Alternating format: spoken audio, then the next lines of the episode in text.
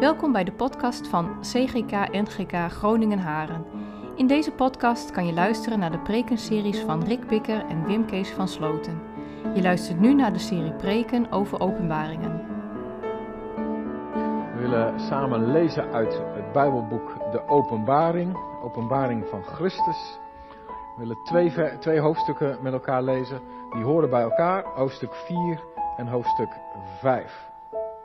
Um, we hadden het al eventjes de vorige keer over van wat was nou in die zeven brieven die we de vorige keer samen hebben gelezen, wat was daar nou een beetje het hoofdthema? Dat was eigenlijk van in welke situatie ook, gemeente van Christus wordt wakker, want je moet alert zijn en er moet gestreden worden. Want er is strijd van binnenuit en van buitenaf. En om die strijd te voeren moet je zien op Christus. Nou, en dan bent u natuurlijk niet verbaasd dat dan in die komende hoofdstukken straks in het Bijbelboek Openbaring, dat je dan die strijd op een heleboel manieren ziet, met die zeven schalen en, en die plagen, en dat gaat allemaal over die strijd. Maar voordat die strijd losbarst, zal ik maar zeggen, krijgen we eerst samen met Johannes een, een kijkje in wat er in de hemel ondertussen, ik maar even zo zeggen. Terwijl de strijd is op aarde, is dit wat er in de hemel is. En voordat de strijd begint, worden wij ook bemoedigd met wat er dan in die hemel zich afspeelt. Nou, dat, dat gaan we samen lezen en dan gaan we daar samen ook bij stilstaan. Hoofdstuk 4. Hierna had ik een visioen. Er stond een deur open in de hemel. De stem die me eerder had toegesproken met het geluid van een bazuin, zei nu: Kom hierboven, dan laat ik je zien wat hierna gebeuren moet. Op hetzelfde moment raakte ik in vervoering. Er stond een troon in de hemel. En daarop zat iemand. Degene die daar zat, had het uiterlijk van jaspis en sarder. En rond de troon was een regenboog, die eruit zag als smaragd. Om de troon heen stonden 24 andere tronen, waarop 24 oudsten zaten. Ze droegen witte kleren en hadden een gouden krans op hun hoofd. Van de troon gingen bliksemschichten uit en donderslagen en groot geraas. Voor de troon brandden zeven vurige fakkels, dat zijn de zeven geesten van God. Ook lag er voor de troon iets als een zee van glas, van kristal. En midden voor de troon en eromheen waren vier wezens, die van voren en van achteren een en al oog waren. Het eerste wezen zag eruit als een leeuw. Het tweede als een jonge stier. En derde had een gezicht als een mens. En het vierde leek een vliegende adelaar. Elk van de vier wezens had zes vleugels. Met overal ogen. Langs de randen en aan de binnenkant. Dag en nacht herhalen ze: Heilig, heilig, heilig is de Heer. Is God de Heer, de Almachtige, die was, die is en die komt. Telkens als deze wezens lof eer en dank brengen aan degene die op de troon zit en die tot in eeuwigheid leeft, werpen de 24 oudsten zich neer voor hem die op de troon zit en aanbidden hem die leeft tot in eeuwigheid en leggen hun kransen voor zijn troon met de woorden, U komt alle lof en eer en macht toe, Heer onze God, want U hebt alles geschapen. Uw wil is de oorsprong van alles wat er is. Toen zag ik dit.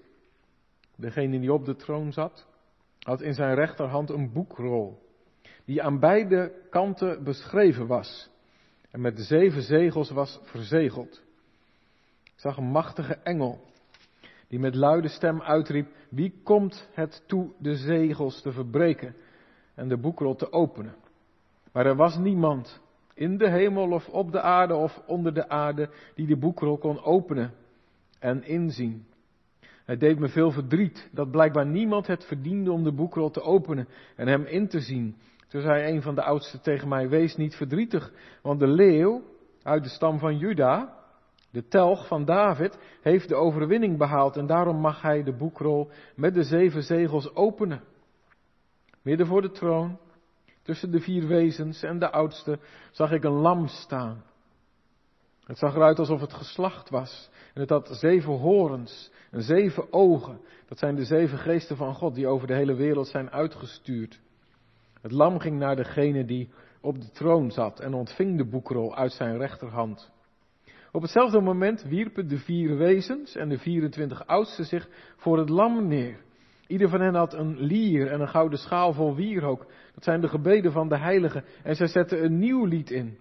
U verdient het om de boekrol te ontvangen en zijn zegels te verbreken. Want u bent geslacht als een lam met, en uw bloed. En met uw bloed hebt u voor God mensen gekocht uit alle landen en volken en elke stam en taal.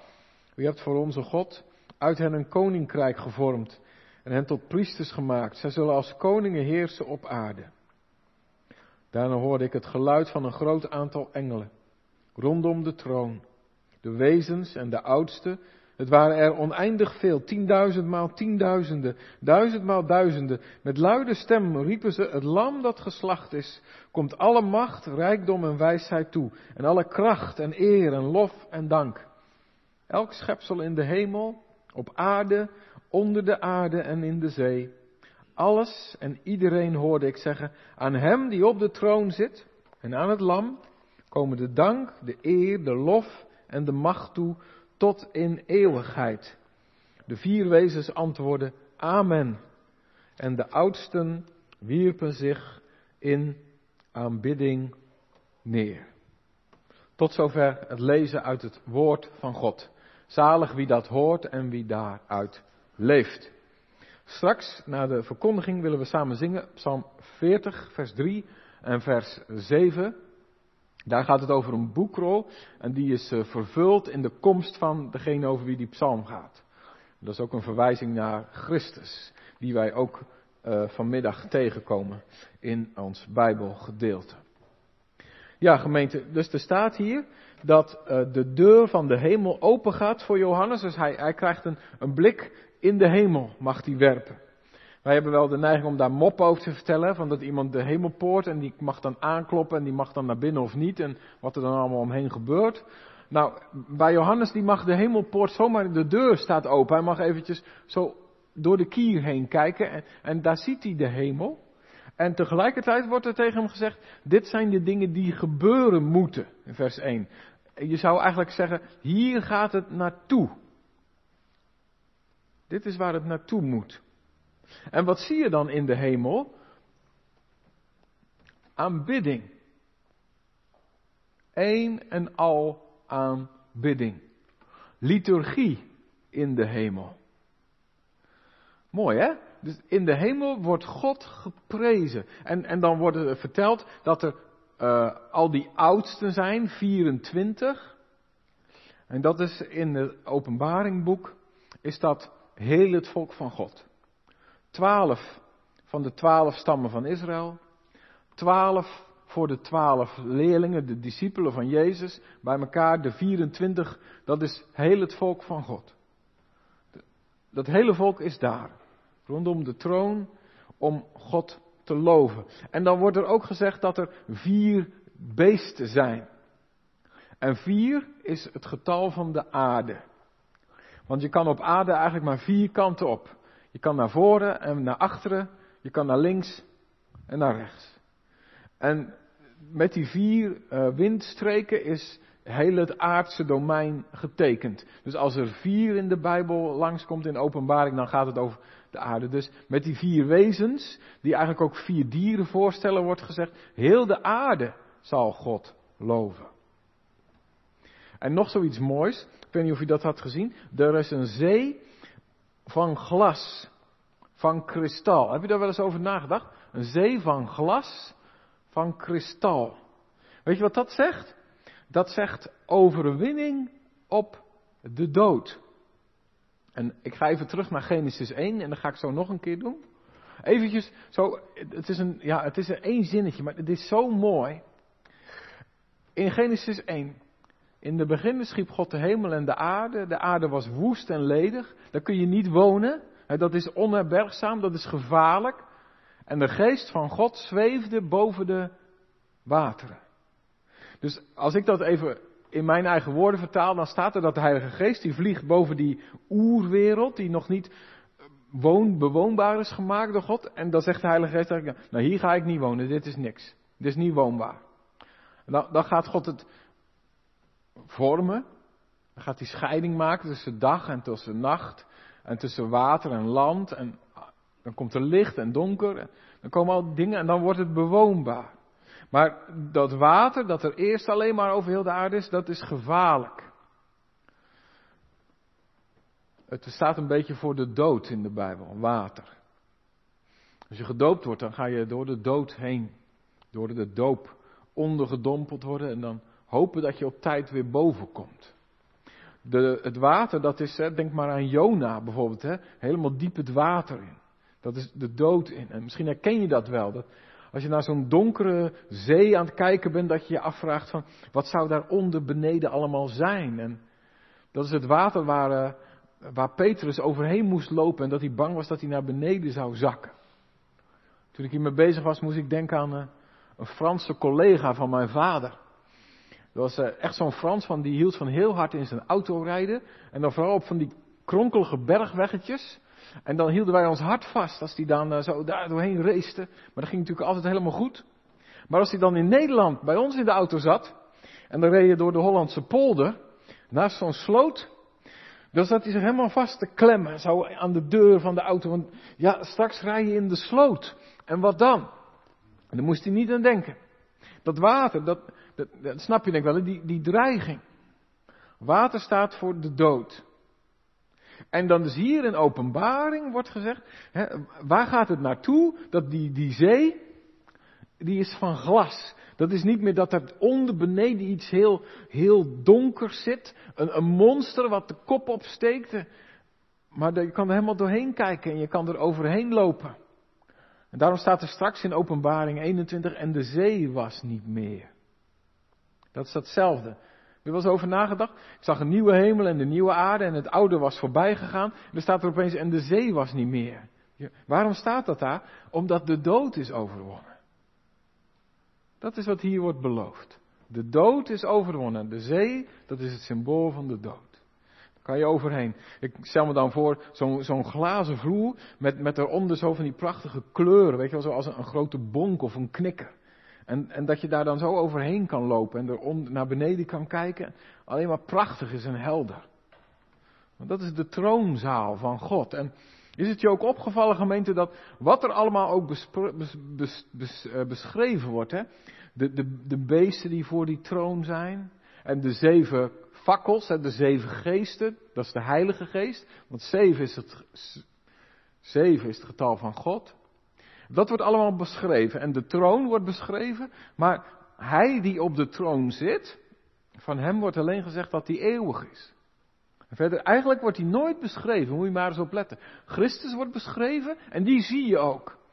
Maar de Vader, die op de troon zit, die is er en dat weet je, maar er wordt nooit gezegd hoe die eruit ziet. Is dat wel eens opgevallen? Er is één ding wat naar hem toe gaat, dat is de lof. Nou, en dat is denk ik wat dit gedeelte wil zeggen. Van, uh, daar gaat het naartoe, gemeente. Er is nu strijd. Er is chaos in de wereld. Er is zonde, er is dood, er is ziekte, er is verdriet, er is onrecht. Maar waar het naartoe gaat met deze wereld, dat is alleen maar ongebreidelde aanbidding van God. Misschien zijn er mensen die zeggen, oh, dat, dat, er zijn momenten dat ik daar zo van geniet. Van God aanbidden, uh, samen zingen voor Hem, uh, dicht bij zijn woord leven, met, met de gemeente samen zijn om Hem te loven en te prijzen. Dat, dat zijn stukjes paradijs op aarde. Nou, dat paradijs, dat wordt hier in dit hoofdstuk beschreven. En, en dat mag je ook vasthouden voor jezelf. Daar gaat het naartoe. Ook al heb ik daar wel eens vragen over, maar daar gaat het naartoe die lofprijzing in de hemel.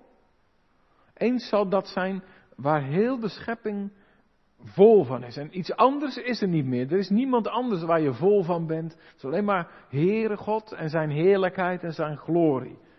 En, en al die andere dingen die zijn voorbij gegaan. Dat wordt ons eigenlijk hier in hoofdstuk 4 al een beetje getekend. Van, denk je daaraan? Als we zo samen verder gaan lezen, en dan gaat het over die zeven schalen en over de plagen en de bazuinen en de strijd en de paarden en de oorlog en, en de ellende en de moeite. In de hemel is er liturgie. In de hemel wordt God geloofd en geprezen. En dat gaat altijd door. En er is niks en niemand op aarde die dat kan tegenhouden. En, en, en alles op aarde gaat daar eens ook naartoe. Want die vier dieren en de kerk, die staan allemaal ook voor die troon van God. Dat is hoe het gaat worden. Hou je daaraan vast. Als een bemoediging. En, en zo hebben wij ook avondmaal gevierd, gemeente. ik hoop dat, dat dat ook iets is wat zo gaat werken bij u in uw hoofd. Dat, dat als wij hier liturgie hebben, zoals vanmiddag, ik, ik noem het ook even expres zo, hè, eredienst. Dat je dan niet denkt, oh, gaan we naar de kerk. Oh ja, moet weer. Maar dat je dan eigenlijk je bewust bent van, dit is gewoon een gebouw dat is gebouwd na de oorlog, met alles gewoon zoals we toen alles bouwden. Maar als je hier de deur van de Maranatha binnenkomt, eigenlijk kom je dan op een plek die verbonden is met de liturgie in de hemel. En zoals de Vader in de hemel wordt aanbeden in de, in de hemel, zo wordt hij dan ook hier op aarde aanbeden. En die twee dingen die, die horen bij elkaar. En als je avondmaal viert, dan vier je avondmaal niet alleen met de kerk hier beneden, de strijdende kerk, maar dan mag je bewust zijn. Hè? Het is hier eigenlijk, dus, nou, ik zal er nu geen punt van maken, maar soms dan zou ik wel willen dat, dat, dat we aan de tafel konden zitten. En, en dan kun je aan die tafel zitten en dan weet je, in de hemel zitten ze ook aan tafel. En lees dat maar eens na in Jezaja 25. Ik ben nog heel goed gemeente, in mijn eerste gemeente in Beverwijk, daar, daar zat ik een keer aan het avondmaal samen met een broeder. Er was een, uh, was een eikenboom van gerechtigheid. Joop Dekker, was zo'n bijzondere man. En die had net iemand verloren van wie hij heel veel hield. En toen zat hij in, in tranen aan avondmaal. En na de dienst zeg ik tegen me, Joop, wat, wat gebeurde er allemaal? Hij zegt, de hemel ging open. En ik zag ze daar zitten. Al die mensen die ons voor zijn gegaan. En we zaten aan dezelfde tafel. Voel je dat? Dat is avondmaal vieren. Dat, dat je even beseft van de strijdende kerk en de kerk die overwonnen heeft. Dat is één liturgie. Dat is één aanbidding. En, en, en daar gaat het met ons allemaal naartoe. Zie je, dat is wat openbaring 4 zegt. Voel je dat gemeente? Dat dat een enorme bemoediging is. En dat dat je helpt om straks hoofdstuk 6 in te duiken. Met, met al die strijd en al die moeite. Die zeg maar, maar die liturgie, die gaat door. En daar mogen wij af en toe ook een stukje bij zijn. En dan worden we weer bemoedigd. En laten we het zo ook beleven, gemeente. Niet van, uh, dat kan dan ook niet meer. Je zegt, ja, oh, zulke liedjes, daar hou ik eigenlijk niet van.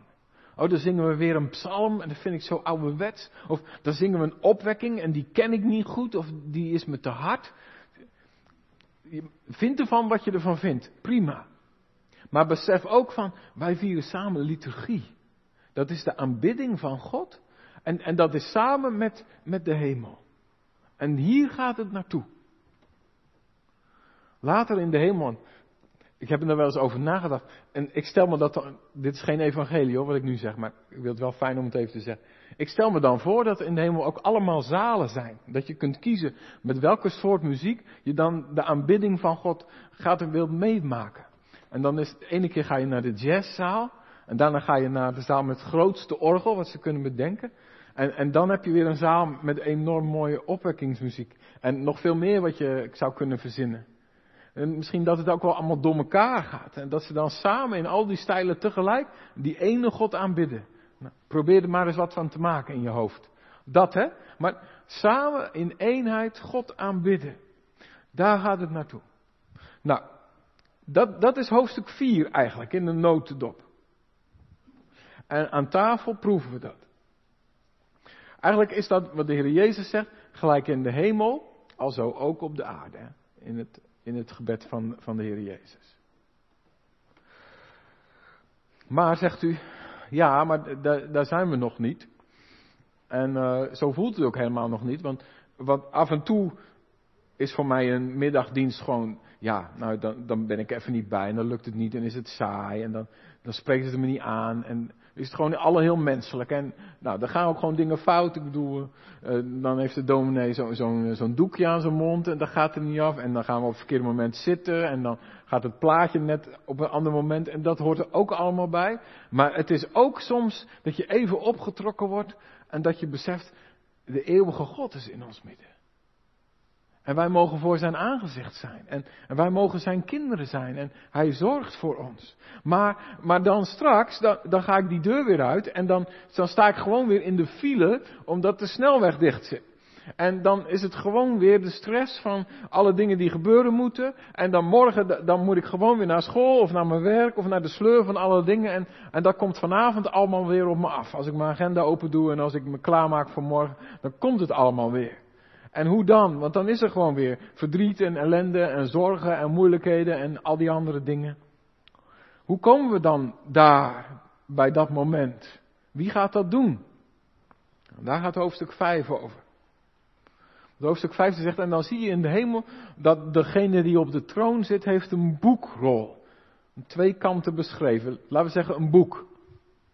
En dat boek, dat kan niet open, want er zitten zeven zegels, zeven sloten zitten erop. Dat blijft dicht. En eigenlijk is dat twee dingen. Aan de ene kant betekent dat niemand kan erin kijken. Maar dat betekent ook, niemand kan dat openmaken om dat te doen. Wat staat er in dat boek? Nou moet je maar eens even opletten de komende tijd als we verder lezen in openbaring. Er zijn verschillende boeken. Daar staan verschillende dingen in. Het heeft altijd te maken met dingen die God doet. Je hebt bijvoorbeeld een boek van het leven. Daar staan de namen in van de mensen die, die horen bij het lam. Maar je hebt ook het boek, en dat is dit boek, dat is, je zou kunnen zeggen, dat is het plan van God. Dat is het plan waarin God de wereld gaat redden. In, in dat boekrol staat geschreven hoe de verlossing voor ons er kan zijn. En hoe die gebeuren gaat. Maar er is niemand die dat open kan doen. Geen mens kan dat. Niemand in de schepping kan dat reddingsplan uitvouwen en uitvoeren. Kan niet. En dat zegt Johannes ook, dat als hij zich dat beseft, dan is hij verdrietig. Het deed mij veel verdriet. Dat blijkbaar niemand het verdiende om de boekrol te openen. Maar, en dat is dan zo mooi, dan, dan is daar de leeuw van Juda. En die leeuw, die is waardig om dat boekrol open te doen. Om, om dat te doen wat wij nodig hebben om verlossing te ontvangen. En dat had je denk ik wel gezien, hè?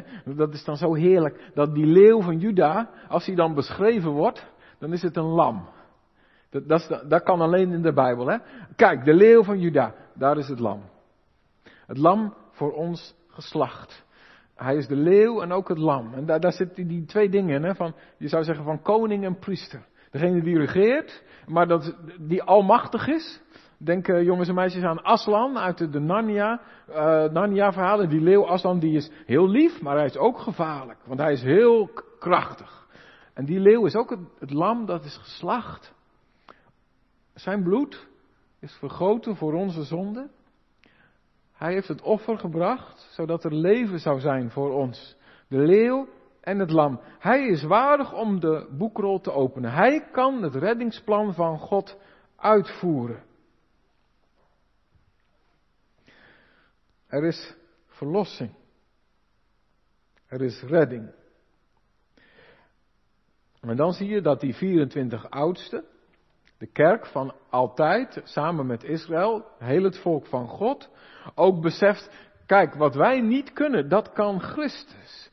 Dus wat God gaat doen in deze wereld, zijn koninkrijk dat komt, dat is in Christus. En daarom loven we Hem.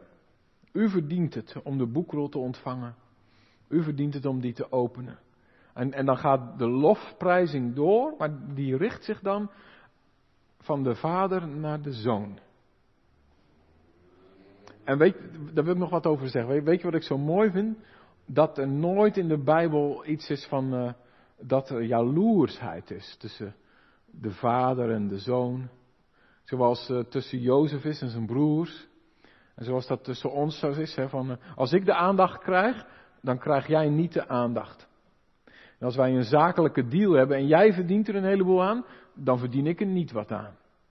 En als we samen iets afspreken en jij hebt er voordeel aan, dan heb ik er vaak geen voordeel aan. Het is altijd de een of de ander. Zo werkt het bij ons heel vaak. In de hemel is dat niet zo. En zo is het in God ook niet. Als de Vader alle eer krijgt, dan is het heerlijk als de Zoon alle eer krijgt. En dat is geen concurrentie. En er staat overigens ook in het Nieuwe Testament dat als Jezus eens uh, zijn hele werk af heeft en als hij zijn koninkrijk heeft volbracht, en dat hij dan zijn heerschappij weer zal overgeven aan de Vader. Dat is zo mooi, hè? Zo, zo, zo bijzonder. Dat als de Heilige Geest komt, dat hij dan nooit zegt: Kijk eens wat ik allemaal ga doen. Maar de Heilige Geest zegt: Jezus, bij Hem moet je zijn. En Jezus die komt om ons bij de Vader te brengen. Nou, dat zie je hier ook al. Dat de, de, de aanbidding die, die gaat van de Vader naar de Zoon en dat is helemaal niet erg. Dat is prachtig. Dat, en dan schuift het ook wel weer terug. En zo moet het ook, gemeente. Als je God wil leren kennen, kan dat alleen in Christus. Daarom aanbidden wij Christus. Als dat niet duidelijk is in onze liturgie, dat gaat om Christus, dan is er iets misgegaan. Daarom, daarom denk ik ook dat het heel belangrijk is dat we naast psalmen ook andere liederen zingen in de kerk. Want de psalmen gaan ook over Christus, maar zijn naam komt niet voor in de psalmen. Het is belangrijk dat als er een gast binnenkomt, dat die gast hoort dat de naam van Jezus klinkt. Dat we Hem aanbidden. En dat als wij samen zingen, dat we dan ook van elkaar horen dat, dat Jezus ook wordt genoemd. Dus op een of andere manier moet dat altijd een plek hebben in de dienst. Liederen uit het Oude Testament, maar ook uit de Nieuw-testamentische tijd. De aanbidding van Jezus. En zo vieren we ook avondmaal vanmiddag. Het brengt ons bij wat Hij heeft gedaan voor ons. Daaruit mogen we leven. En in Hem ontvangen we ook die bemoediging. Zijn koninkrijk komt. Die Jezus die gekomen is om zijn lichaam te geven, die Jezus is er die terug zal komen. Te oordelen de levenden en de doden. En dan zal er geen zonde meer zijn. En geen gebrek, en geen verdriet, en geen rouw, en geen eenzaamheid. Dan zal er alleen maar zijn zijn lof en zijn aanbidding. En dat is waar het naartoe gaat in deze wereld. Amen.